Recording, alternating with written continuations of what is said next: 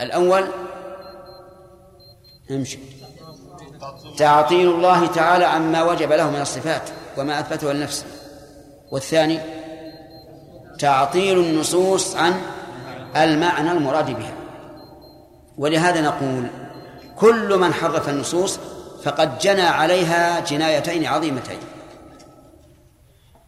الجناية الأولى تحريفها عن معناها المراد بها. والجناية الثانية إثبات معنى لا تدل عليه. لأنه مثلا يقول جاء ربك أي جاء أمر ربك. إذا جنى على النص بإيش؟ بتحريف معناه المراد به إلى معنى مش معنى إلى معنى لا يراد به. قال الرحمن على العرش استوى قال استوى بمعنى استولى. هنا حرف. نعم. هنا جنى على النص من وجهين الوجه الأول أنه عطل معنى الاستواء الحقيقي الذي دل عليه النص. والجناية الثانية أثبت معنى لا يدل عليه اللفظ. لأن الرحمن على العرش استوى لا يدل على لا يدل على أنه استولى. فانتبه لهذا أن المحرفين قد جنوا على كتاب كتاب الله وسنة رسوله صلى الله عليه وعلى آله وسلم من وجهين. الأول إيش؟ تحريفها عن المعنى المراد به. والثاني إثبات معنى لا يدل عليه اللفظ. ولذلك نقول لهؤلاء إذا صرفتم اللفظ عن ظاهره. فما الذي يقول إن المراد به ما ذكرت من المعنى؟ قد يكون المراد بشيء شيء, شيء قد يكون المراد بشيء آخر. طيب الثالث يقول ومن غير تكييف ولا تمثيل. من غير تكييف يعني أنهم لا يكيفون الصفة. لا يكيفون الصفة. لماذا؟ لأن تكييف صفة الله قول على الله بلا علم. إذ لم يخبرنا الله تبارك وتعالى عن كيفية صفاته. لم يخبرنا كيف استوى على العرش ولم يخبرنا كيف نزول إلى السماء الدنيا ولم يخبرنا كيف يأتي يوم القيامة. أي إنسان يثبت كيفية لصفة من صفات الله فهو كاذب. كاذب بلا شك. لماذا؟ لأن الله لم يخبرنا بذلك فقال فقد قال على الله بلا علم. لو قال إن الله استوى على العرش وكيفية استوائه كذا وكذا. قلنا له كذبت. من قال لك هذا؟ أنت الآن قلت على الله بلا علم. والتكييف محرم. لقوله تعالى ولا تقف ما ليس لك به علم. أي لا تتبع شيئا لا تعلمه. ولقوله تعالى قل إنما حرم ربي الفواحش ما ظهر منها وما بطن والإثم والبغي بغير الحق وأن تشركوا بالله ما لم ينزل به سلطانا وأن تقولوا على الله ما لا تعلمون. أفهمتم؟ فلا يجوز أن تقدر بنفسك ولا أن تورد على غيرك كيفية صفات الله عز وجل. أبدا. ولكن هل تعتقد أن لصفاته كيفية؟ نعم. نعم يجب أن تعتقد أن لصفاته كيفية لكنها غير معلومة. قال الإمام مالك الكيف مجهول ولم يقل الكيف معدوم. كل صفات الله لها كيفية لأن كل موجود لا بد له من كيفية. ولكن حسبنا أن لا نعلم الكيفية. النزول إلى السماء الدنيا له كيفية ولا ما له كيفية؟ نعم. له كيفية لكن لا نعلم. الاستواء على العرش له كيفية لكن لا نعلم. طيب.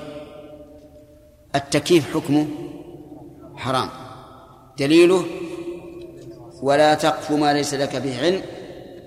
وقوله تعالى قل إنما حرم ربي الفواحش ما ظهر منها وما بطن إلى قوله وأن تقولوا على الله ما لا تعلمون.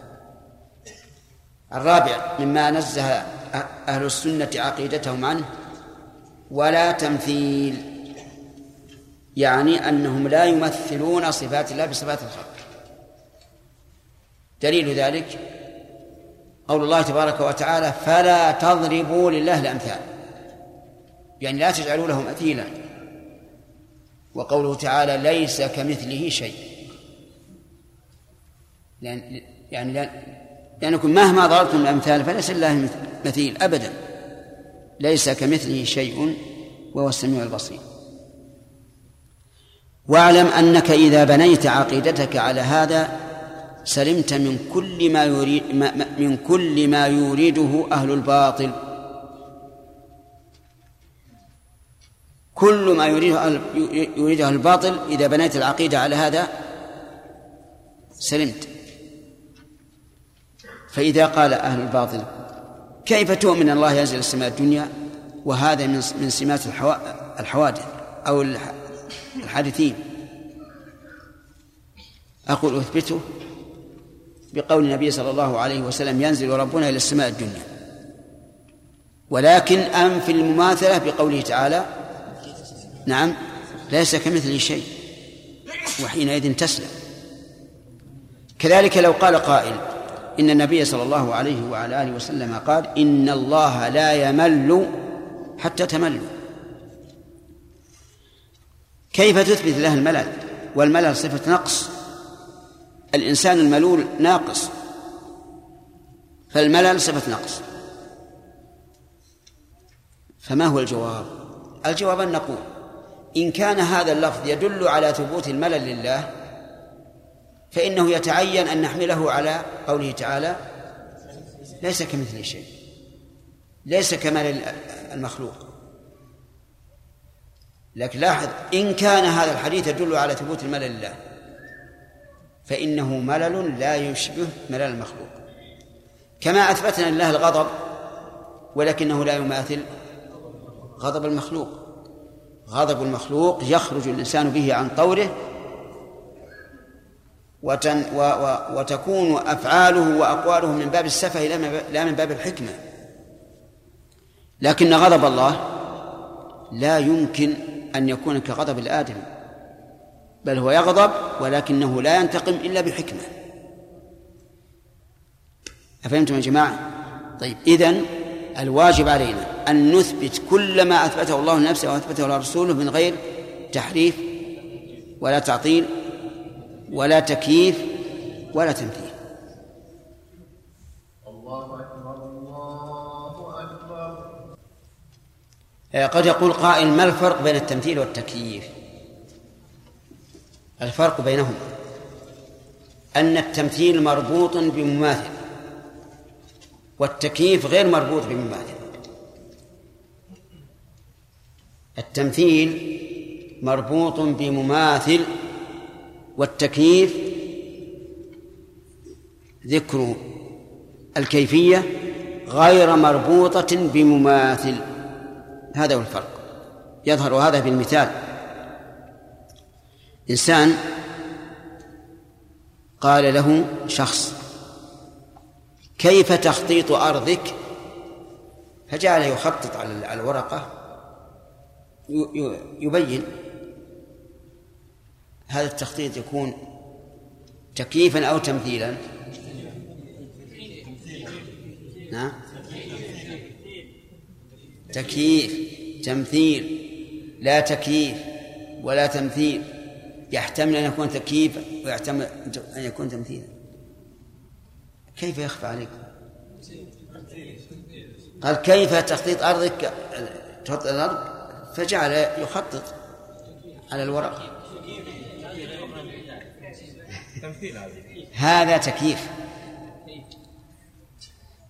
وآخر قال لشخص كيف خططت أرضك؟ قال كما كأرض فلان. هذا إيش هو؟ تمثيل. فصار الفرق أنه إذا قرنت الصفة بشيء آخر فهو تمثيل وإلا فهو تكييف. وأهل السنة متبرئون في عقيدتهم من هذا ومن هذا. قال بل يؤمنون بأن الله سبحانه ليس كمثله شيء وهو السميع البصير. يؤمنون بقلوبهم إيمانا مستقرا بأن الله جل وعلا ليس كمثله شيء لا في ذاته ولا في صفاته ولا في أفعاله ولا في سمعه ولا بصره ولا أي شيء من صفاته. ويجب علينا أن نعتقد بأن الله لا يمثل شيء فليس من جنس المخلوقات لا في ذاته ولا في صفاته ولا في أفعاله بل هو بائن عنها غاية المباينة. ليس كمثله شيء. وقوله ليس كمثله شيء شيء نكرة في سياق النفي فتكون إيش؟ عامة. لا شيء يماثل الرب عز وجل. وقد كثر خوض الناس في قوله تعالى ليس كمثله شيء حيث جمع بين الكاف والمثل. وكلاهما يدل على على التمثيل. فكيف يستقيم الكلام؟ والصحيح أن الجمع بينهما من باب التوكيد. فكأنه نفى المثل مرتين. لما جاءت الكاف وهي دالة على التمثيل ونفي ذلك ثم جاءت المثل وهي دالة على التمثيل ونفي صار كأنه نفى ذلك مرتين. وإذا أخذنا بهذا القول السهل الواضح البين سلمنا من التعب الشديد في إعراب الكاف وفي مجيئها وكيف يتصور ذلك؟ كما هو معروف في من تكلموا على هذه الآية الكريمة وهو السميع البصير.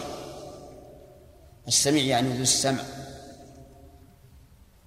الكامل المحيط بكل شيء مسموع. البصير ذو البصر الكامل المحيط بكل شيء مبصر. وسيأتي إن شاء الله الكلام على هاتين الصفتين مبسوطا في كلام فيما ساقه المؤلف من الآيات. في قوله تعالى ليس كمثله شيء رد على طائفة مبتدعة. من؟ الممثلة. وفي قوله هو السميع البصير رد على طائفة مبتدعة. المعطلة.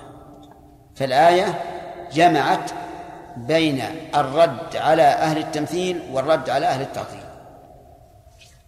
فلا ينفون عنه ما وصف به نفسه. كل ما وصف به نفسه يقرون به.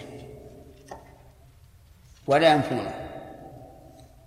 ولا يحرفون الكلمة عن مواضعه.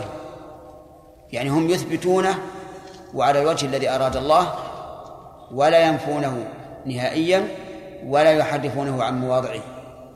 والفرق بين من نفاه وبين من حرفه ظاهر جدا.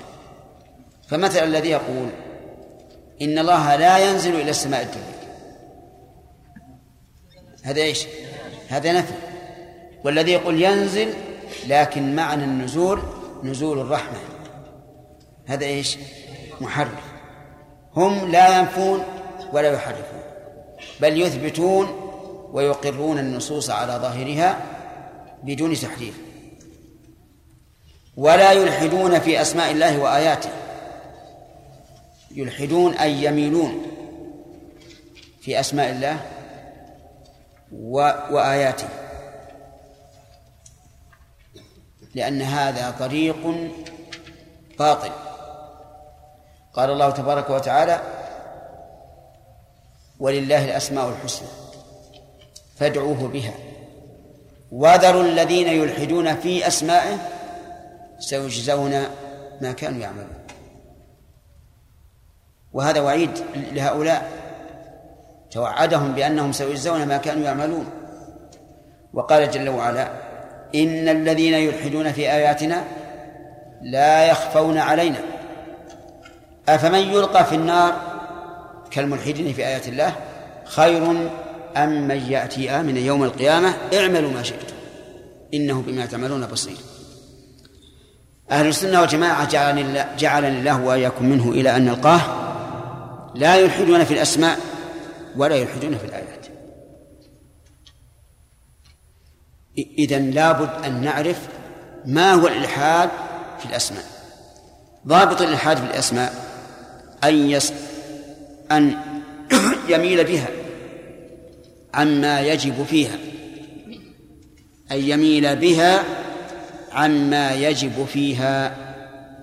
لأن أصل الإلحاد مأخوذ من اللحد واللحد والحفرة تكون في القبر إلى جانب منه إذن الإلحاد في الأسماء هو الميل بها عما يجب فيها. وقسمه العلماء رحمهم الله إلى أقسام. الأول أن ينكرها. أو ينكر شيئا مما دلت عليه من الصفات. ينكرها بالكلية أو ينكر شيئا مما دلت عليه من الصفات. مثل أن ينكر أن من أسماء الله السميع. وهذا واقع. يعني في الآن معطلة. قالوا ليس لله أسماء والأسماء لبعض المخلوقات. فإذا قال إن الله ليس ليس من أسماء الله السميع فهذا إيش؟ منكر للأسماء. وإذا قال إنه سميع لكن بدون سمع منكر لما دلت عليه من الصفات. هذا نوع من الإلحاد. أن ينكر الأسماء أو ينكر ما دلت عليه من الصفات. وسواء كان الإنكار كليا أو جزئيا. فهذا إلحاد. النوع الثاني من الإلحاد أن يسمي الله تعالى بما لا يليق به. أن يسمي الله بما لا يليق به. وما لا يليق بالله لا يمكن أن يتسمى الله به. كتسمية النصارى إياه أبا. هم يقولون الله هو الآب. و وتسمية الفلاسفة إياه علة فاعلة. يقولون هذا الكون له مدبر. من المدبر؟ قالوا علة فاعلة موجبة.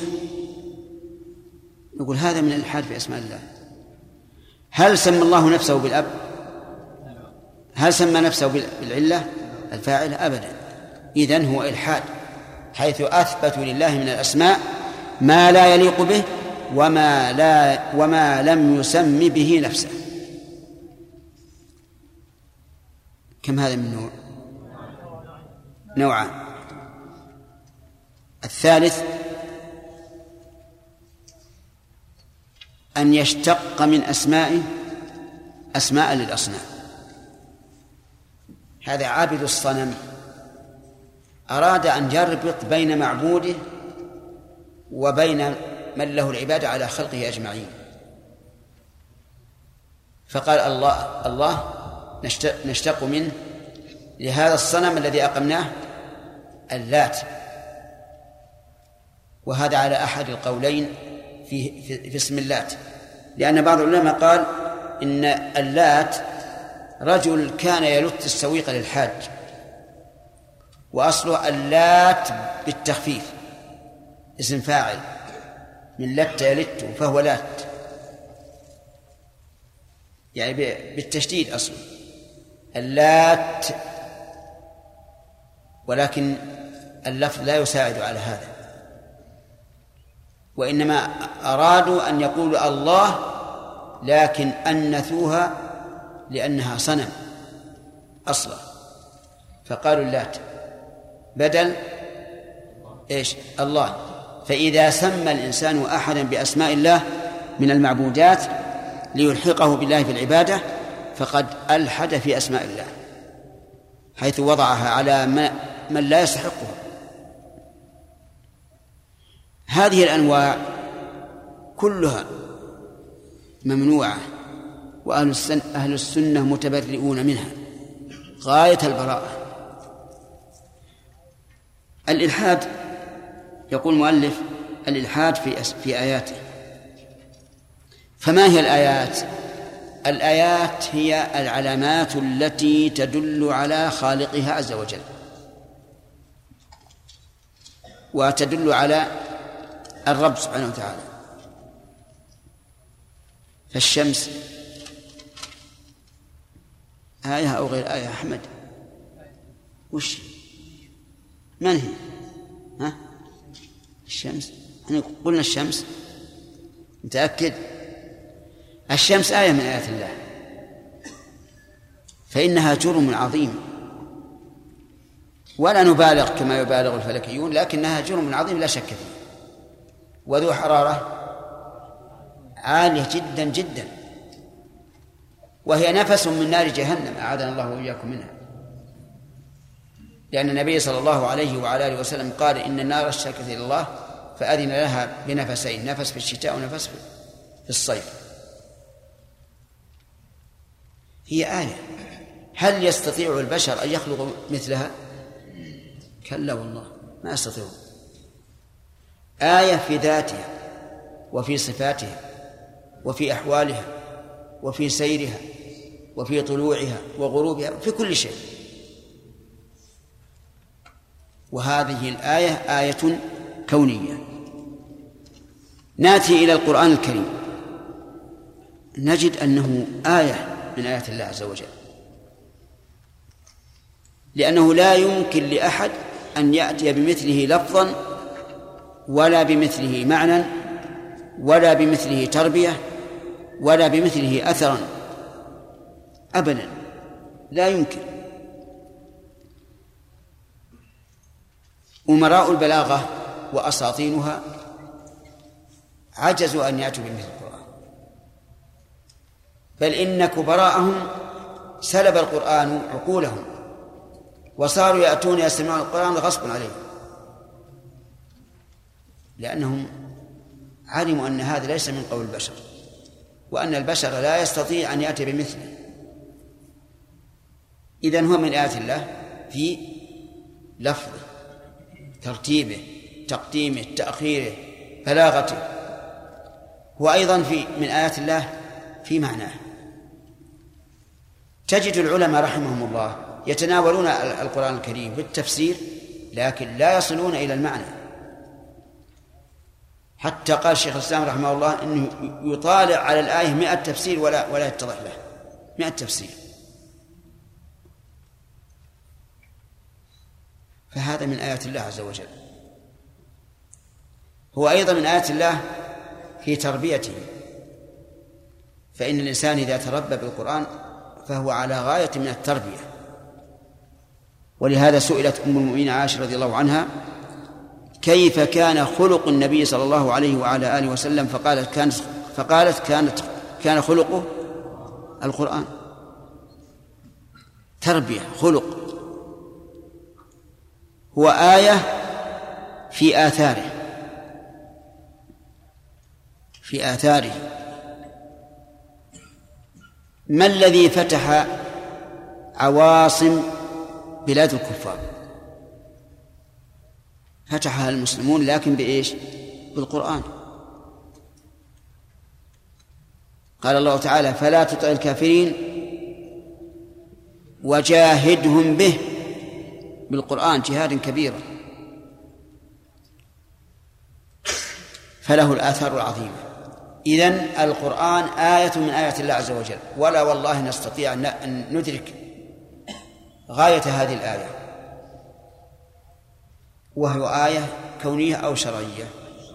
شرعية. إذن أهل السنة لا يلحدون في آيات الله الكونية ولا في آيات الله الشرعية. بماذا يكون الإلحاد في الآيات الكونية؟ ننظر. الآيات الكونية خلقها الله عز وجل. وحده. لا مشارك ولا معين مع الله عز وجل. فالإلحاد فيها أي في الآيات الكونية أن يعتقد أن لبعض الكون خالقا سوى الله. هذا إلحاد. ثانيا أن يعتقد أن لله تعالى معينا في خلق هذا الكون. الثالث أن يعتقد أن لله تعالى شريكا في في هذا الكون. يعني الشريك غير المنفرد الذي ذكرناه أولا. الأول يعتقد أن هذا خلقه الله وهذا خلقه وثنه. وأما الأخير يعتقد شريكا بمعنى أن الله وهذا الشريك اقتسم الملك مشاعا. فالإلحاد في الآيات الكونية أن يعتقد أن مع الله خالقا أو منفردا بخلقه. والثالث أو معينا لله عز وجل. قال الله تعالى قل ادعوا الذين زعمتم من دون الله لا يملكون مثقال مثقال ذرة في السماوات ولا في الأرض يعني على وجه الاستقلال وما لهم فيهما من شرك على وقت وجه المشاركة وما له منهم من ظهير على وقت على وجه المعاونة. الإلحاد في الآيات الشرعية. يكون بثلاثة أمور. الأول تحريفها فإن تحريفها إلحاد. الثاني تكذيبها فإن تكذيبها إلحاد لا شك. الثالث مخالفتها إما بترك المأمور أو بفعل المحظور. هذا هو الإلحاد في آيات الله الشرعية. أهل السنة والحمد لله بريئون من ذلك كله. قال ولا يكيفون. يعني لا يكيفون صفات الله عز وجل. وأعادها بالمعنى لا باللفظ من باب التوكيد لأن المقام مقام عظيم. ينبغي أن تكرر فيه المعاني بأساليب مختلفة حتى تثبت في الذهن. ولا يمثلون صفاته بصفات خلق وهذا معنى قوله فيما سبق ولا تمثيل. لا يعلمون نعم لا. لا يمثلون صفاته بصفات خلقه بل يعلمون علم اليقين أنها تخالف صفات الخلق. ولا يمكن أن تماثل صفات المخلوقين. طيب وهل تتفق مع صفات المخلوقين في أصل المعنى؟ نعم. تتفق. نعم. تتفق. مثلا العلم العلم صفة من صفات الله. هل يشاركه المخلوق في أصل العلم؟ نعم لا شك. قال الله تبارك وتعالى والله أخرجكم من بطون أمهاتكم لا تعلمون شيئا وجعل لكم السمع والأبصار والأفئدة. وقال الله تعالى فإن علمتموهن مؤمنات فلا ترجعوهن إلى الكفار. فأثبت للإنسان علما كما أثبت لنفسه علما. السمع. أثبت الله لنفسه سمعا. أليس كذلك؟ طيب. هل سمع الله تعالى مشارك لسمع المخلوق في أصل المعنى؟ نعم. لأن المخلوق يسمع. فهو مشارك لله تعالى في أصل المعنى. ولا يعد هذا تمثيلا. كما لو قلت الإنسان ذو حياة والجمل ذو حياة. هل يلزم من هذا أن يتساوى الجمل والإنسان؟ لا يلزم. قال ولا يمثل صفاته بصفات خلقه لأنه نعم. جاوبت الأسئلة؟ أيها الرقيب. جاء؟ طيب. ها؟ قبل نهاية الوقت. إيه؟ ما بقي إلا دقيقتين نعم. شيخ تعريف للافعال للصفات الفعلية بأنها التي إذا شاء فعلها رجع المشيئه نعم. قول من قال منها التي إذا أراد أن تقوم به قامت. إذا إيش؟ التي إذا أراد أن تقوم به قامت. لا غلط. لا لأن أصلها قائم به. كل الأفعال على أنواعها أصلها قائم بالله عز وجل. لأنه لم يزل ولا يزال فعالا. ولا باعتبار حاجة ما نقول إذا شاء إذا شاء قامت به. بل نقول إذا شاء فعله نعم قال النبي صلى الله عليه وسلم. من دعا إلى خير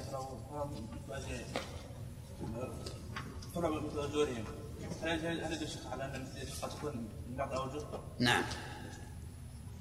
وكم قد تكون المثلية من بعض الوجوه. كما أن قوله تعالى الله الذي خلق سبع سبع سماوات ومن الأرض مثلهم. ما هو من كل كل وجه. نعم. شيخ أحسن الله إليكم. ما ما ماذا نرد على قولهم قول بعضهم. آه، إذا قلت الله سبحانه وتعالى ينزل قال هذا هذا النزول حسي أو معنوي؟ نعم أقول حسي. شيخ إذا قلنا حسي كيف نأتي بأدلة على أنها حسي ثم النار المعنوي؟ هذا الأصل. هذا الأصل. ينزل الله إلى السماء الدنيا. هذا الأصل. لأنه عز وجل يقرب من عباده كما يشاء. كما ينزل عشية عرفة إلى السماء الدنيا قالوا شيخ أحسن الله إليكم هل خلى منه العرش أو كذا؟ ما لنا ما نتكلم بهذا نقول إذا قالوا خلى منه العرش أو لم يخلو هذا كلام مبتدع. الصحابة أحرص منا على معرفة الله بأسمائه وصفاته ولم يسأل. عرفت؟ على أن على أن بعض على أن أهل السنة رحمهم الله خاضوا في هذه المسألة وليتهم لم يخوضوا. فمنهم من قال إنه يخلو منه العرش. ومنهم من قال إنه لا يخلو منه العرش. شيخ الإسلام رحمه الله يرى هذا الرأي. الثاني أنه لا يخلو منه العرش. والذي أرى أنه لا يجوز لنا أن نتكلم في هذا. لو كان في ذلك خير أي في الكلام فيه خير لسبقنا إليه الصحابة. لأن الصحابة أحرص منا على العلم. ولأن الصحابة عندهم من إذا سألوه أعلمهم. بالغيب. فإذا سأل سائل نقول كما قال مالك سؤالك بدعة. وحينئذ نلقمه حجرا لا تستطيع أضراسه أضراسه أن تفتته. كذلك عبد الرحمن؟ نعم. انتبه. انتهى الوقت. نعم. المتن المتن من يقرأ. عندي يلا عبد الرحمن. بسم الله الرحمن الرحيم. الحمد لله رب العالمين.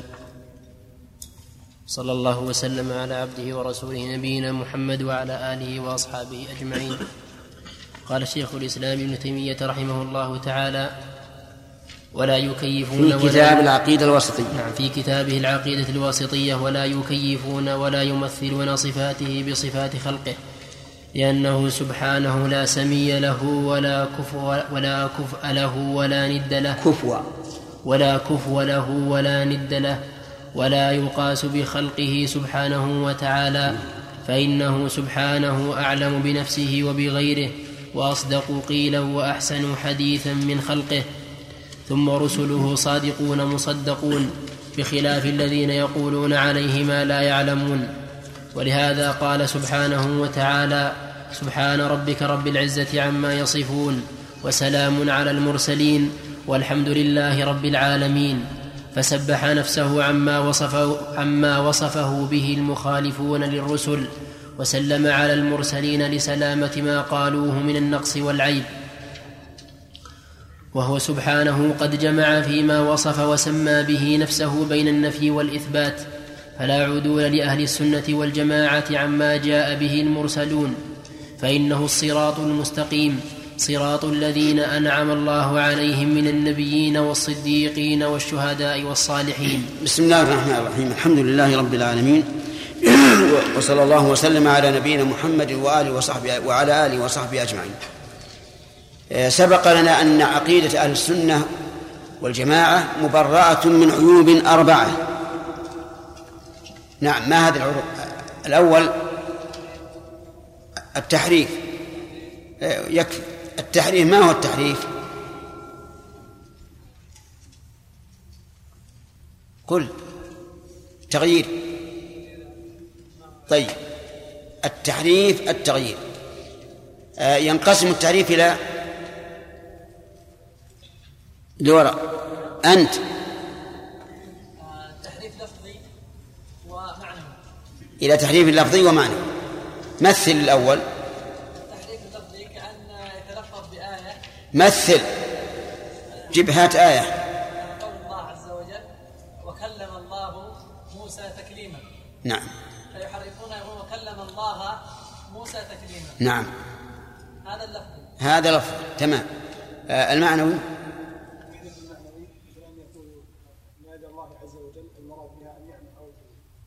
يعني يبقي اللفظ على حاله ما يغير. لكن يصرفه عن معناه المراد به. اليد؟ ليست يدا حقيقية لله جل وعلا ليست يدا حقيقية لله ولكنها قوة القوة والنعمة. طيب. هذا تحريف معنوي. آه، وقال أيضا الثاني مما ينزه عنه. عقيدة أهل السنة. ارفع نعم. التعطيل. ما هو؟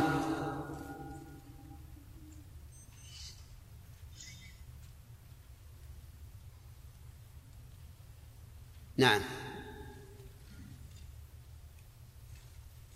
ارفع يدك اللي وراء.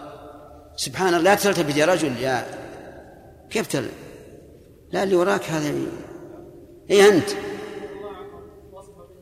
يعني إيه؟ لا وش معنى تعطيل الله؟ يعني؟ أن ينفي عن الله ما وصف به نفسه. هذا التعطيل. طيب. الثالث تكييف. ومعنى التكييف؟ نعم. يعني لا يكيفون لا بقلوبهم ولا بألسنتهم. طيب. الرابع جزاء. التمثيل. ومعناه؟ نعم. أن يجعل الله تعالى مثيلا في في صفاته. طيب. ما هو الدليل على تحريم التحريف؟ الأخ.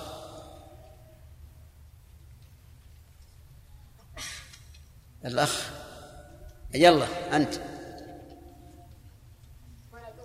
لا لوراء ارفع يدك. ارفع يدك زين. مو أنت. ارفع يدك زين. يلا أجب ها؟ أنا أقول التحريف حرام ولا ولا حلال؟ حرام. ما هو الدليل؟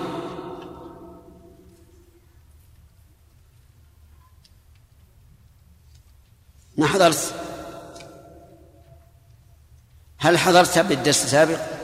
طيب. نعم.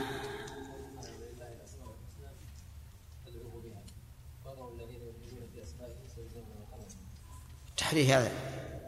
ما فيه التحريف. نعم. أي نعم. خطأ. أن الله تعالى ذم أهل الكتاب الذين يحرفون الكلمة عن مواضعه. طيب. التعطيل الذي هو نفي الصفات عن الله عز وجل. حرام ولا حلال؟ ها؟ ما إلى وصل ما وصلنا لحد الكفر. أسألك هل هو حلال ولا حرام؟ نعم. حرام. الدليل انهم في هذا تكذيب لله سبحانه وتعالى ها؟ تكذيب لله سبحانه وتعالى فيما ذكر في الكتاب لا التكييف ولا التمثيل.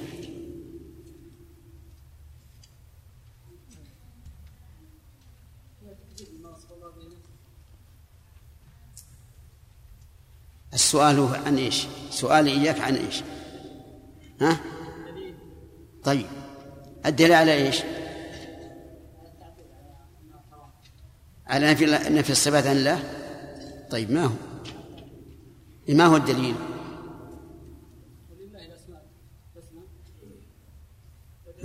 نعم. ودعاؤه بها يستلزم إثباتها.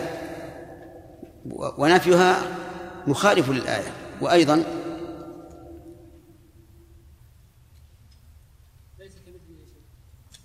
لا. أنا ما أدري يمكن ما ذكرتكم من الأدلة ولا نسيتوا يلا عادي قوله سبحانه وتعالى ولا تقف ما ليس لك به علم لأن من عطل صفات الله سبحانه وتعالى قال عطل الصفة عن عن معنى المواد وقال إن تخالف بمعنى بمعنى غير مواد نعم قوله تعالى وهو السميع البصير إيش؟ وهو السميع البصير اي نعم فهو اثبات الصدق على كل حال التعطيل محرم فهمنا هذا. وذلك لأنه يتضمن إنكار ما وصف الله به نفسه.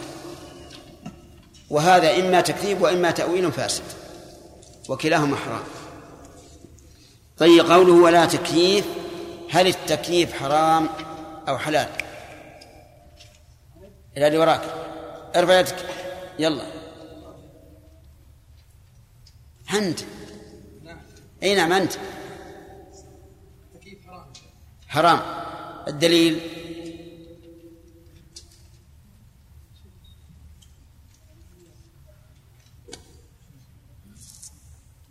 يلا عبد الله. التكييف فيه تفصيل كان بمعنى ان يجعل لله كيف هذا محرم. أما إذا كان بمعنى كيفية الصفة ان لصفه الله كيفية هذا جائز. لا ما ما ذبت كيف التكييف حرام؟ حرام ما الدليل؟ قوله تعالى ليس بمثله شيء. خطأ. خطأ. نعم. قوله تعالى ولا تقف ما ليس لك به علم. ونحن لا طريق لنا إلى العلم بكيفية صفات الله. لأن الله أخبرنا عنها ولم يخبرنا عن كيفيتها. طيب فيها أيضا دليل آخر؟ نعم قوله تعالى إنما حرم ربي الفواحش ما ظهر منها وما بطن والإثم والبغي بغير الحق. وأن تشركوا بالله؟ أحسنت. بارك الله فيك. التمثيل. الأخ. أي أنت؟ حرام. ما الدليل؟ لا أنا أرفع يدك. أي يلا.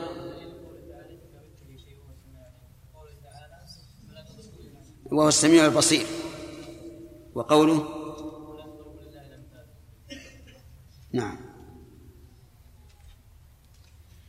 الإلحاد ذكرنا أنه ذكر المؤلف يكون في أسماء الله وفي صفات الله. وذكرنا أنواعه في- أسماء الله. نعم في يكون في صفات الله في أسماء الله وآيات الله. وذكرنا الإلحاد في أسماء الله والإلحاد في آيات الله. ولا حاجة للنقاش لأنه يأخذ علينا وقت. قال لي نعم ولا يكيفون ولا يمثلون صفاته بصفات خلقه لأنه سبحانه لا سمي له. سمي أي مسامي أي مشابه. ودليل هذا قول الله تعالى هل تعلم له سميا؟ والنفي والاستفهام هنا بمعنى النفي. هل تعلم له سميا؟ واعلم أن الاستفهام إذا كان بمعنى النفي فإنه يفيد زيادة مهمة وهي إرادة التحدي. كأنه يقول إن كنت تعلم أن له سميا فأت به. فكلما أتاك الاستفهام بمعنى النفي فإنه مشرب معنى إيش؟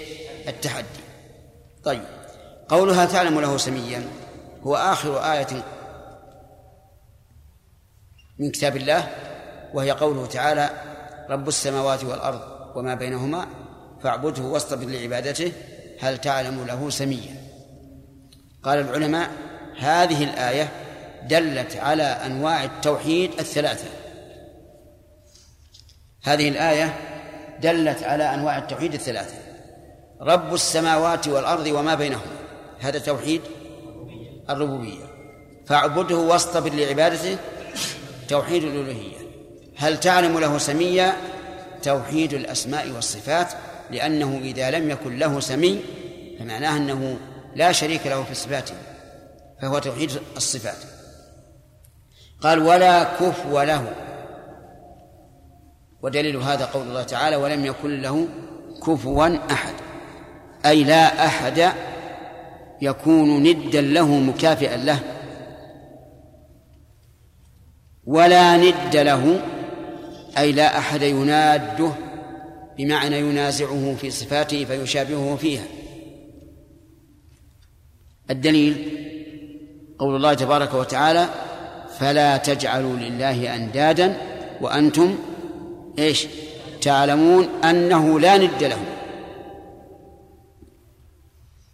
ولا يقاس بخلقه.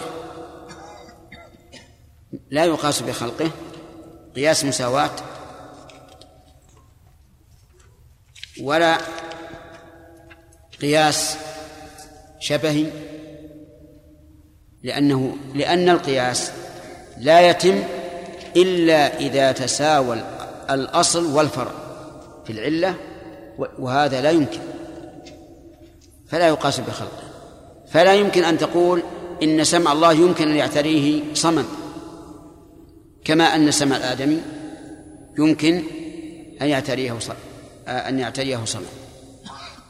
وكذلك بقية الصفات لا يقاس بخلقه. وهل يقاس بخلقه قياس أولوية؟ فيقال كل ما ثبت للمخلوق من كمال فالله تعالى أولى به. نعم يقال هكذا. ولكن هذا في الكمال المطلق. أما الكمال النسبي فلا. الكمال المطلق كالسمع والبصر والعلم والحكمة والرحمة وما أشبه ذلك فإن ما ثبت للمخلوق من هذا الكمال فالله تعالى أولى به. ولهذا يقال معطي الكمال أولى بالكمال. وأما الكمال النسبي اللي هو غير مطلق فلا يمكن أن القياس فيه. فمثلا الأكل والشرب في حق الإنسان كمال أو غير كمال؟ كمال. ولهذا إذا اعتلت صحة الإنسان صار لا يشتهي الأكل ولا الشرب فهو كمال. لكنه من جهة أخرى نقص وهو أن جسم الإنسان مضطر إلى الطعام والشراب. فيكون نقصا بهذا الاعتبار. فليس كمالا مطلقا. طيب بالنسبة للخالق إيش نقول؟ نقص. لا يمكن أن يكون كمالا. لقول الله تعالى الحي القيوم لا تأخذه سنة ولا نوم. وقال وهو يطعم ولا يطعم. وكذلك النوم. النوم بالنسبة للإنسان كمال ولا نقص؟ كمال. ولذلك إذا اعتلت صحة الإنسان أو أصابه هم لم ينم. طيب لكنه نقص من وجه آخر وهو احتياج البدن إليه. ليستريح من تعب سابق ويستجد النشاط لتعب لاحق. إذن لا يقاس بخلقه مطلقا إلا القياس الأولوية بشرط أن يكون هذا المعنى كمالا مطلقا. وأما إذا كان كمالا من وجه ونقصا من وجه فلا يقاس. قال وهو سبحانه وتعالى أعلم بخلقه أعلم بنفسه وغيره وبغيره. لا شك أن الله أعلم بنفسه وأنه لا علم لنا فيما يتعلق بالله إلا بما علمنا. لا نعرف من صفاته شيئا إلا بما علمنا. يعني على سبيل التفصيل ولا نعرف من أحكامه شيئا إلا ما علمنا. فهو أعلم بنفسه وهو أعلم بغيره أيضا. يعلم كل ما في السماوات والأرض. يعلم ما يصيب الإنسان يعلم حتى ما في ضمير الإنسان يعلم حتى مستقبل الإنسان فهو أعلم بنفسه وأعلم بغيره. فائدة هذه القاعدة التي قالها المؤلف أنه إذا أخبر عن نفسه بشيء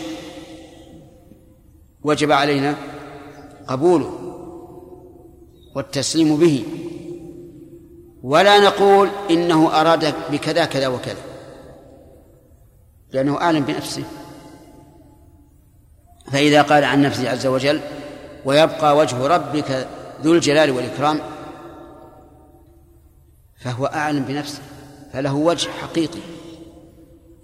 وإذا قال لما خلقت بيدي فهو أعلم بنفسه عز وجل وله يد حقيقة. وإذا قال استوى على العرش فهو أعلم بنفسه فهو استواء حقيقة وهلم جرا إذن فهذه الجملة أراد بها المؤلف أن لا ننازع الرب عز وجل فيما أخبر عن نفسه. لماذا؟ لأنه أعلم بنفسه بل وأعلم بغيره. وأصدق قيلا وأحسن حديثا من خلقه. أصدق قيلا فلا أصدق من قول الله عز وجل. وإذا كان لا أصدق من قول الله وجب علينا تصديقه والإيمان به. وأحسن حديثا من خلقه. نعم أحسن حديثا. وهذا يشمل الحسن المعنوي والحسن اللفظي. فكلامه سبحانه وتعالى أحسن الكلام بلاغة وفصاحة وأحسن الكلام موضوعا. لأنه إما أخبار صادقة نافعة وإما أحكام عادلة مصلحة. فحديثه عز وجل أحسن الحديث. أشار المؤلف رحمه الله إلى قاعدة مهمة. وهي أن كلام الله تبارك وتعالى صادر عن علم علم بنفسه.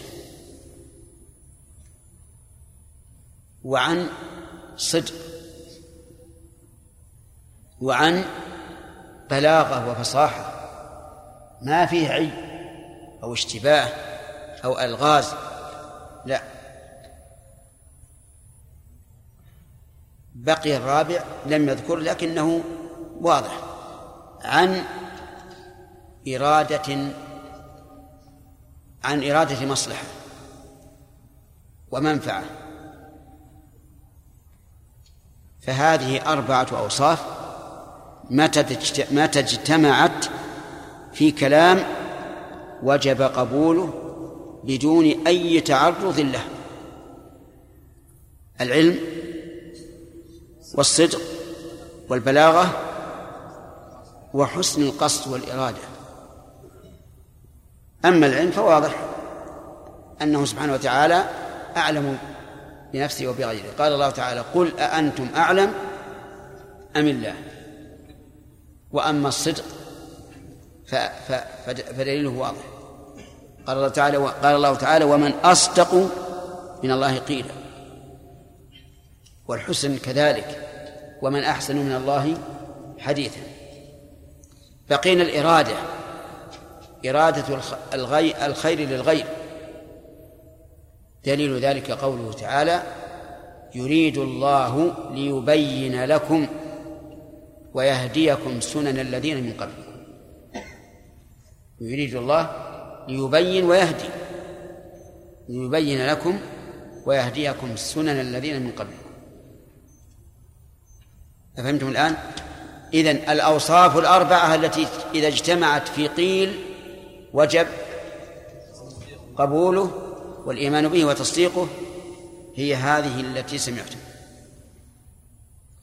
فلنعد. إذا صدر القول عن جاهل لكنه صادق لكنه يجهل هل تقبله النفس؟ لا. تتردد فيه لأنه جاهل. وإن كان هو صادق يعني من من من أهل الصدق.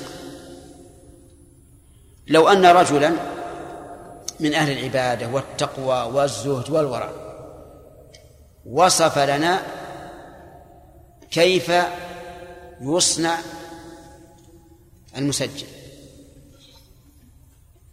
هل نحن نقبله بارتياح أو على على تردد وريب. الثاني بلا شك لأنه يقول هذا ما هو صاحب اختصاص طيب هذا إذا إذن ضد العلم الجهل. الثاني الصدق. ضده الكذب.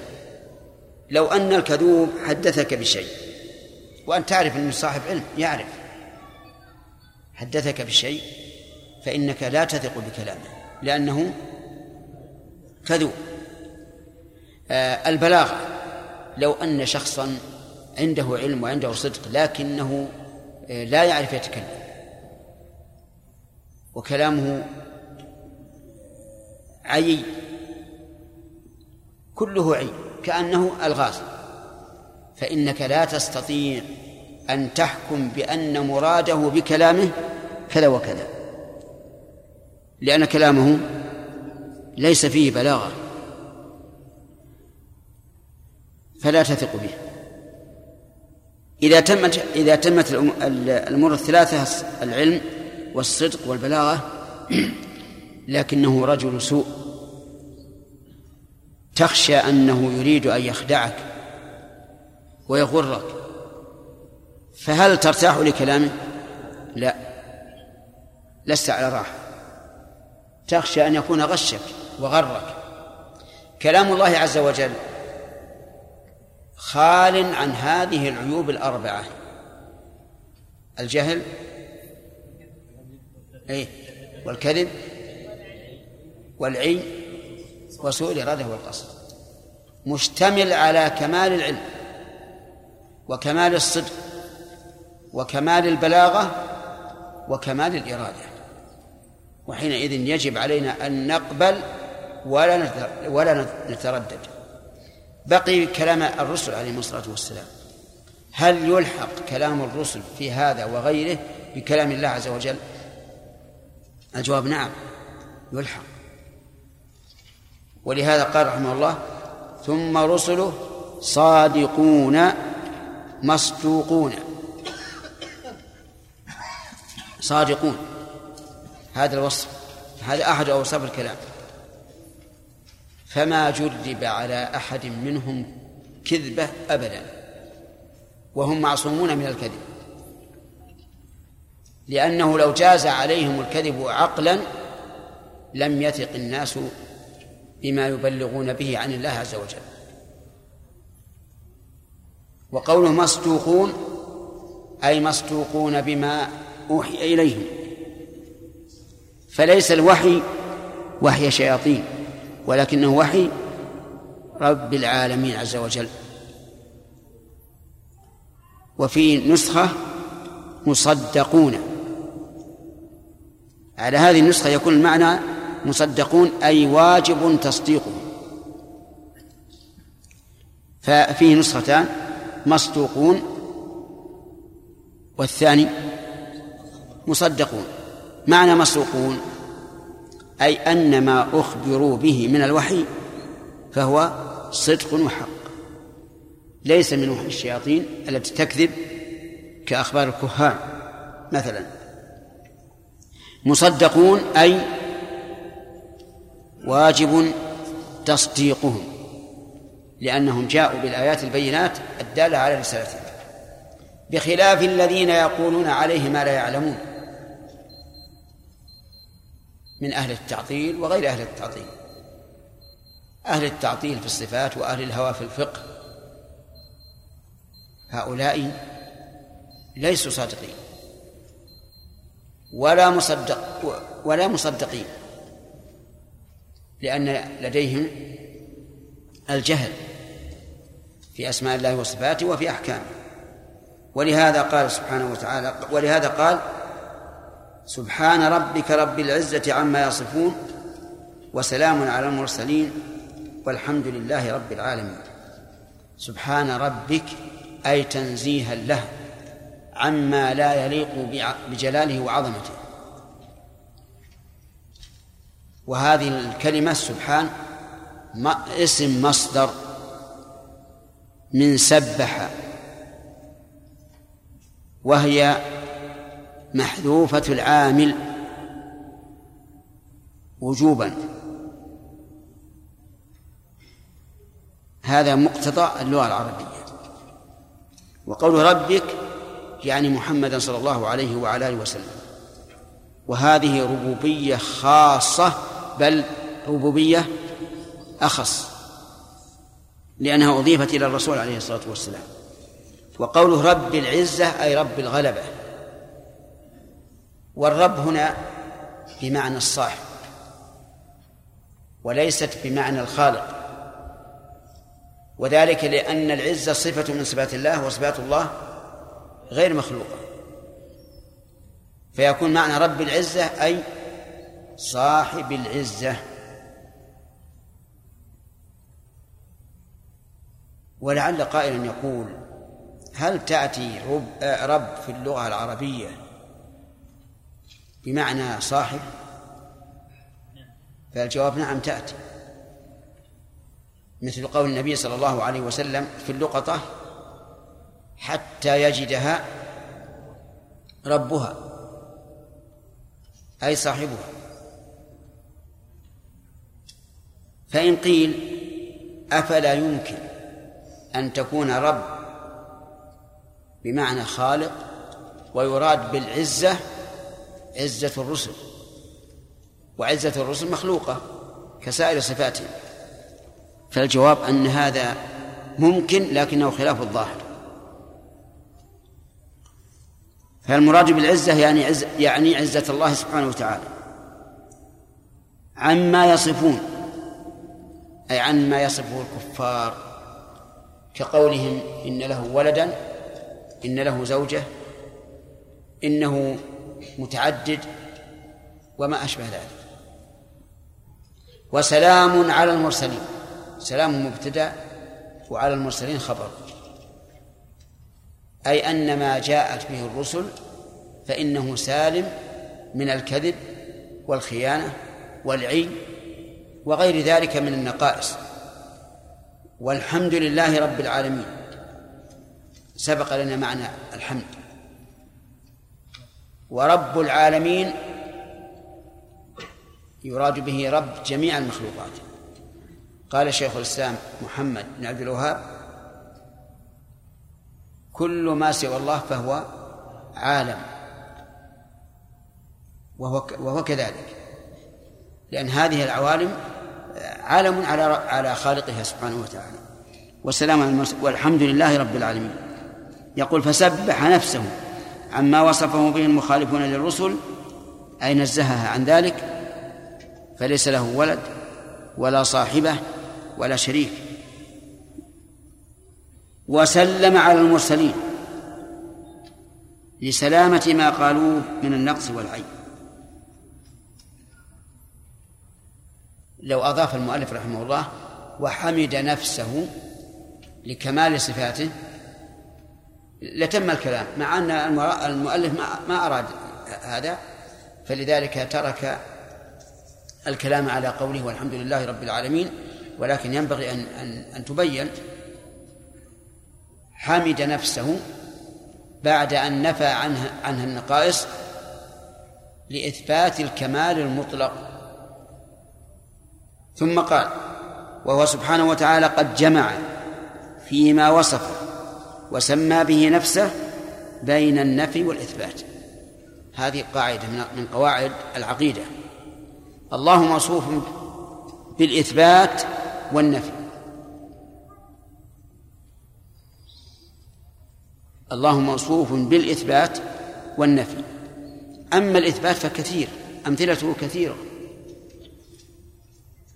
انظر إلى قول الله تعالى هو الله الذي لا إله إلا هو عالم الغيب والشهادة. والرحمن الرحيم. كم فيها من إثبات؟ أسماء كثيرة متضمنة لصفات كثيرة.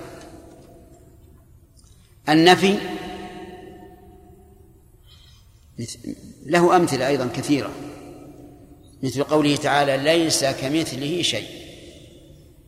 وهذا أعم ما يكون في النفي. وكقوله تعالى لا تأخذه سنة ولا نوم. وهذا خاص. نفي عيب معين. وكما في قوله تعالى ولقد خلقنا السماوات والأرض وما بينهما في ستة أيام. أكمل. وما مسنا من لغوب. وقال تعالى أولم يروا أن الله الذي خلق السماوات والأرض ولم يعي بخلقهن. أي لم يتعب ويعجز. والأمثلة كثيرة. فهو قد جمع بين النفي والإثبات. هذه قاعدة. ثانيا كل ما أثبته الله لنفسه فهو صفة كمال. كل ما أثبته الله لنفسه فهو صفة كمال لا نقص فيه بوجه من الوجوه.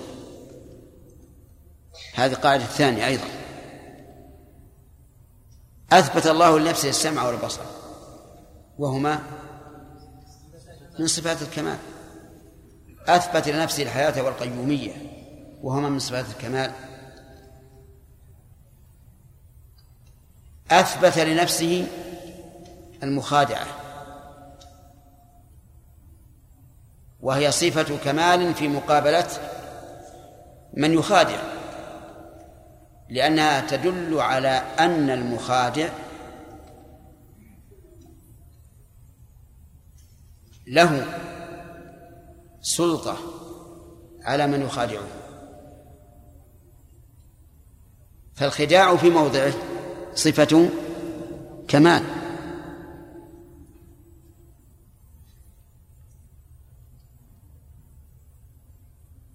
طيب. إذن المكر خداع الاستهزاء والكيد والمحال كلها أثبتها الله لنفسه لكن فيما إذا كانت في موطن المدح أي في مقابلة من يصنع به, به, به أو برسله كذلك. ولهذا قال إنهم يكيدون كيدا وأكيد كيدا أي كيد أعظم. فمهل الكافرين أمهلهم رويدا. طيب أعود مرة ثانية كل ما أثبته الله لنفسه فهو صفة كمال لا نقص فيه بوجه من الوجوه. فإذا أورد مورد صفة المكر والخداع والاستهزاء والكيد وما أشبهه نقول هذه في موضعها إيش؟ صفة كمال لا شك. رجل يعرف كيف يخدع عدوه. أكمل من رجل لا يعرف. ويذكر أن علي بن أبي طالب رضي الله عنه لما طلب عمرو بن ود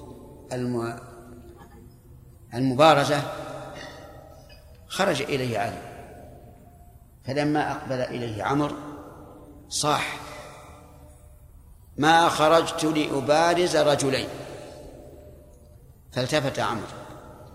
ظن أن أحدا لاحقه فلما التفت ضرب رقبته وأرداه قتيلا. الخداع هذا جائز ولا غير جائز؟ جائز بل هو دليل على شجاعة الإنسان وعلى قدرته على إفحام الخصم. نعم. معنا ان الكيد والمكر والخداع تكون صفات كمال في موضعها نعم. مقابل المخادع. نعم. فقد ايراد الله عز وجل وكذلك كدنا ليوسف نعم. الله كيف يكون الكيد مع لا نعم أحسنت. هل كاد له ولا عليه؟ الايه وكذلك كدنا ليوسف إيه كاد له. هذا نصر له على على أعدائه. فالكيد للإنسان في مقابلة الأعداء الذين يريدون بيوسف ما يريدون. نعم لا جواب عن حديث الحديث الصحيح لن يكذب إبراهيم الا ثلاث كذبات نعم. تأويل. إبراهيم عليه الصلاة والسلام لم يكذب تأويلا. الكذبات هذه تأويل. في ظاهرها خلاف ما ما أراد نعم. بين النفي والإثبات نعم. بين هذا يعني وصف هنا لا لا لا. جمع بينهما يعني أنه أثبت لنفسه الصفات ونفع عن نفسه الصفات. نعم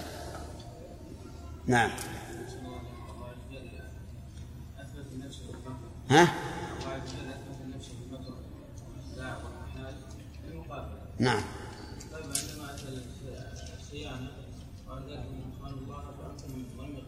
نعم. الفرق ظاهر. هو لا يوصف الله بالخيانة أبدا لأن الخيانة هي الخداع في موضع الائتمان. لأن الخيانة ضد الأمانة. فهي خداع في موضع الائتمان وهذا نقص. ولهذا نقول إن قول العامة خان الله من يخون أو إن خنتك خان الله حرام ما يجوز. لأن الخيانة إنما تكون في موضع إيش؟ الائتمان وهذا نقص. نعم. ها؟ وصف نفسه نعم. به نفسه مفهوم لا لا لا قول بين والإثبات الإثبات لل- للاسم والصفة. وأما النفي فللصفة فقط. نعم. شيخ ذكرت في الدرس الأول آه، الصفات الخبرية وقلت هي التي إيش؟ ذكرت في الدرس الأول الصفات الخبرية. نعم. ذكرت يسماها بالنسبة للمخلوق ابعاض وأجزاء. نعم. محصورة في هذه يا شيخ يعني إيه محصورة بهذا لأنها ما هي صفات معاني؟ حتى حتى نقول إنها آه، تخرج عن الصفات الخبرية. شيخ مثل صفة الضحك الآن. نعم. مش خبرية يا شيخ؟ لا الضحك معنوية فعل. فعل من الأفعال من الصفات الفعلية.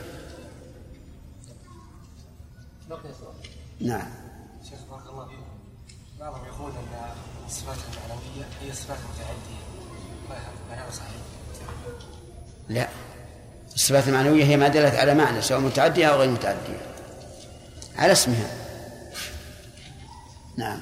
أحسن الله إليك قول صلى الله عليه وسلم وسكت عن أشياء. هل يوصف الله بالسكوت؟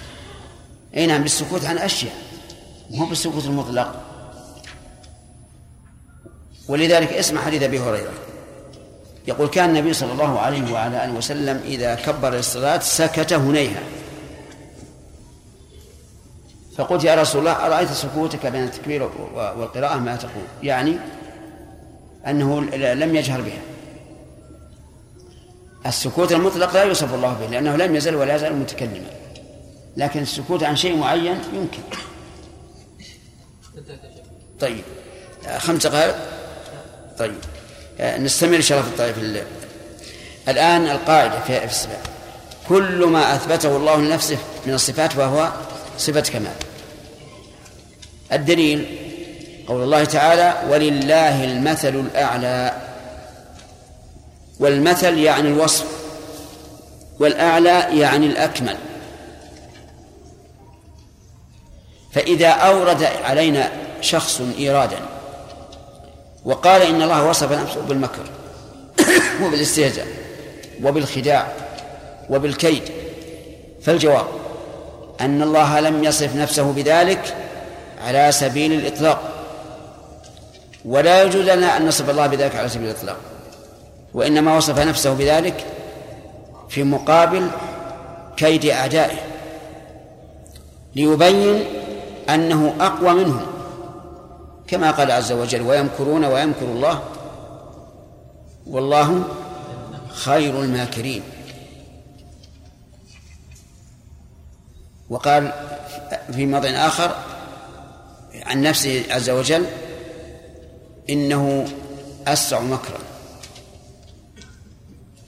وقال في الكيد إنهم يكيدون كيدا. إيش؟ وأكيد كيدا أي كيدا أعظم منه. فمهل الكافرين أمهل أمهلهم رويدا. إن المنافقين يخادعون الله وهو خادعهم. إذن هذه الصفات هي في مقابلة العدو. تعتبر صفات كمال. طيب. القاعدة الثانية أن الله تعالى نفى عن نفسه الصفات. نفى عن نفسه صفات فهل النفي هنا نفي مجرد أو نفي متضمن للكمال. الجواب الثاني. الجواب الثاني لا شك. فقوله ليس كمثله شيء يعني لكمال صفاته. وقوله ولم يعي بخلقهن هذه نفي. لكمال إيش؟ لكمال قوته وقدرته. وقول لا تأخذه سنة ولا نوم لكمال حياته وقيوميته. فلا يمكن أن يكون في صفات الله نفي مجرد. أبدا. لا بد أن يتضمن هذا النفي إيش؟ معنى كاملا ثبوتيا.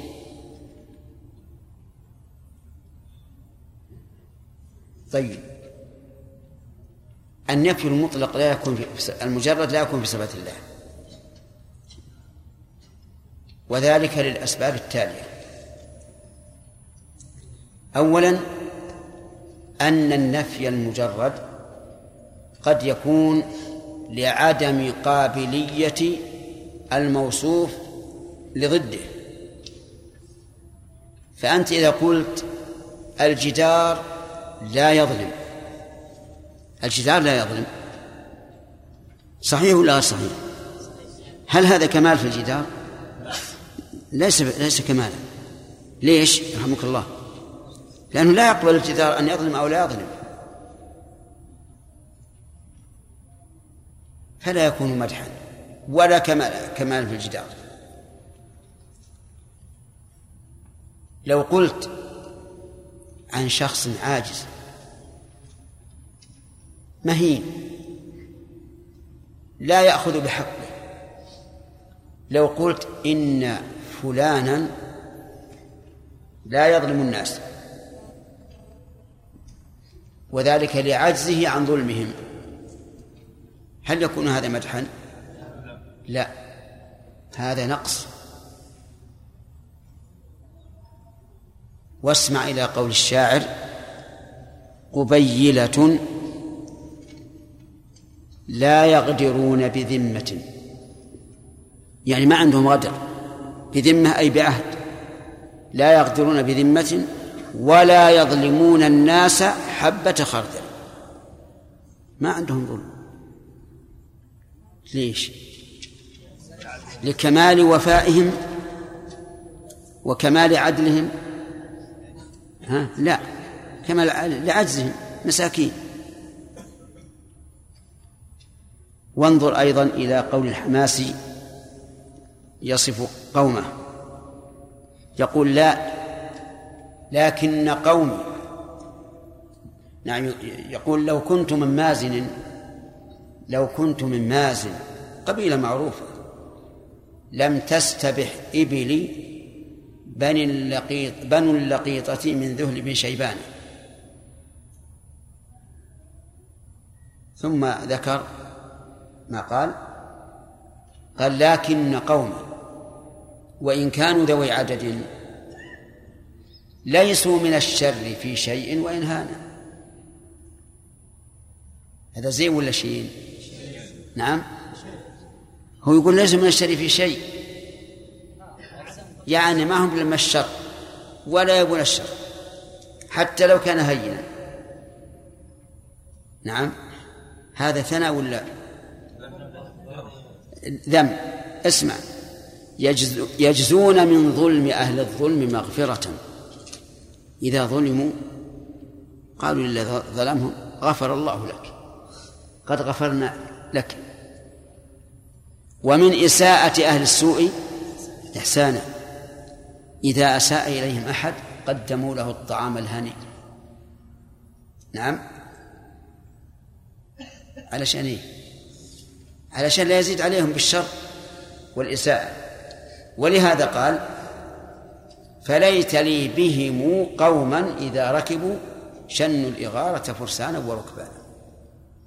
ليت لي بهم أي بدلهم. يعني يقول ليت ليت الله يجيب لي قوم سوى هؤلاء. إذن النفي إذا لم يتضمن كمالا فقد يكون نقصا لعجز الموصوف به عن ضده. طيب إذا قلت فلان ابن حلال على وجهه لا ياخذ حقه من الناس وش تقول في هذا؟ مدح ولا ذم؟ نعم؟ ذم. ذم. فصار الآن. لا يوجد في صفات الله نفي مجرد. بل كل نفي في في صفات الله فهو متضمن لإثبات ضده. ولا بد. لماذا؟ علل. لأن النفي المجرد قد يكون لعدم القابلية. أن الموصوف به لا يقبل هذا. وقد وحينئذ لا يكون فيه مدح ولا ذم وقد يكون لعجز الموصوف به. لا لكماله كما سمعتم في الأبيات. لذلك لا يوجد فيما نفى الله عن نفسه نفي مجرد بل إيش؟ بل لا بد أن يتضمن كمالا. تدبر الآيات الواردة في النفي تجدها على هذا. ثم قال فلا عدول لأهل السنة والجماعة عما جاء به المرسلون. لا عدول هذه نفي. نفي كامل لأنها دخلت عليه لا نافية الجنس. يعني لا يمكن لأهل السنة والجماعة أن يعدلوا عما جاء به المرسلون. بل هم ماشون في هذا الطريق. ولهذا قال فإنه الصراط المستقيم صراط الله نعم صراط الذين أنعم الله عليهم من النبيين والصديقين. فإنه الصراط يقول أهل اللغة إن الصراط هو الطريق الواسع المستوي هو الطريق الواسع المستوي والسير في هذا الطريق الواسع المستوي سهل أو غير سهل؟ سهل جدا لأن الضيق فيها اختناق وغير المستوي يمين ويسار ولا فوق وتحت في مشقة. وأخذوا هذا من قولهم أكل اللحمة فسرطها أو فزارطها ولهذا الصراط يقال فيها الزراط. يعني صراطها إيش؟ بلعها بسرعة. بلعها بسرعة. فها فالصراط إذن هو الطريق الواسع إيش؟ المستوي وقولها المستقيم هذا أيضا وصف. مستقيم ليس فيه إعوجاج لا يمين ولا شمال. صراط الذين أنعم الله عليهم. أنعم الله عليهم نعمة الدين والدنيا. من النبيين ويدخل فيهم الرسل والصديقين وعلى رأسهم أبو بكر رضي الله عنه والشهداء والصالحين. الشهداء لها معنيان. المعنى الأول العلماء لأن العلماء شهداء. يشهدون للرسل للرسل بأنهم بلغوا وعلى الأمم بأنهم بلغوا ويشهدون لله تعالى بالتوحيد. كما قال عز وجل شهد الله أنه لا إله إلا هو والملائكة وإيش؟ وأولو العلم. فالعلماء فالشهداء هم العلماء. ويشمل من الآخر؟ وهم الذين قتلوا في سبيل الله. كما قال عز وجل ولا تحسبن الذين قتلوا في سبيل الله أمواتا بل أحياء. بل أحياء عند ربهم يرزقون وقال والشهداء عند ربهم. طيب آه والشهداء والصالحين من دونهم لكنه صالح في نفسه ولم يذكر أنه مصلح لكنه صالح بنفسه عابد. هؤلاء أربعة أصناف هم خير البشر. والآية فيها ذكر الأعلى فالأعلى. فأعلى الأصناف النبيون وأعلاهم الرسل وأعلى الرسل ذو العزم والصديقون بعد بعد الرسل. والصديق هو من صدق في ظاهره وباطنه وصدق ما قامت البينة على صدقه. وعلى رأسهم أبو بكر رضي الله عنه. والشهداء عرفتموهم والصالحون. في كلام المؤلف رحمه الله أضاف الصراط إلى هؤلاء الأصناف. في القرآن الكريم أضيف الصراط إلى هؤلاء الأصناف. فقال عز وجل صراط الذين أنعمت عليهم. وأضيف الصراط إلى الله. فقال الله عز وجل وإنك لتهدي إلى صراط مستقيم صراط الله الذي له ما في السماوات وما في الأرض. ولا منافاة بينهما لأنه أضيف إلى الله عز وجل باعتبار أنه الذي شرعه واعتبار أنه موصل إلى الله. بخلاف السبل التي وضعها البشر فإنها ليست من وضع الله وليست موصلة إليه. وأضافه الله تعالى إلى إلى الأصناف باعتبار أنهم سالكوه. سالكوا هذا الطريق. وحينئذ لا منافاة بين الأمرين.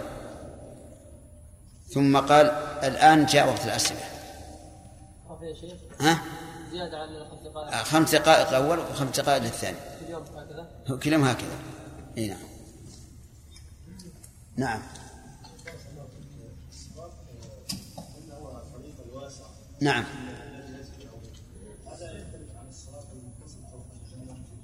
لا حتى في في المتصل الموضوع على جهنم ذهب بعض أهل العلم إلى أنه هكذا. لكن ورد في حديث أخرجه مسلم بلاغا أنه أدق من الشعر وأحد من السيف. وهذا قد يكون على سبيل المبالغة لأن الرسول أخبر بأن هذا الصراط دحر ومزلة. يعني مزلك يزلك فيه الناس. وهذا لا يكون إلا في صراط يعني واسع فصراط جهنم اختلف فيه العلماء. نعم.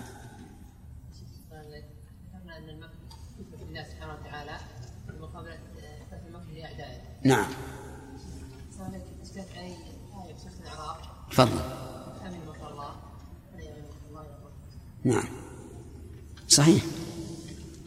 مكر الله فيما فيما يمكر به. نعم. ذكرنا؟ في نعم. الصفات المعنوية هي الصفات الذاتية طيب الصفات هي؟ لا لا. الصفات الذاتية يقول يقول العلماء في تفسيرها إنها هي التي لم يزل ولا يزال متصفا بها. لأنها لازمة لذاته أما الصفات الخبرية فهي لولا أن الله أخبرنا بها ما علمنا عنها. لكن نعلم وإن لم نخبر بأن الله له سمع وبصر وعلم ورحمة وحكمة. نعم.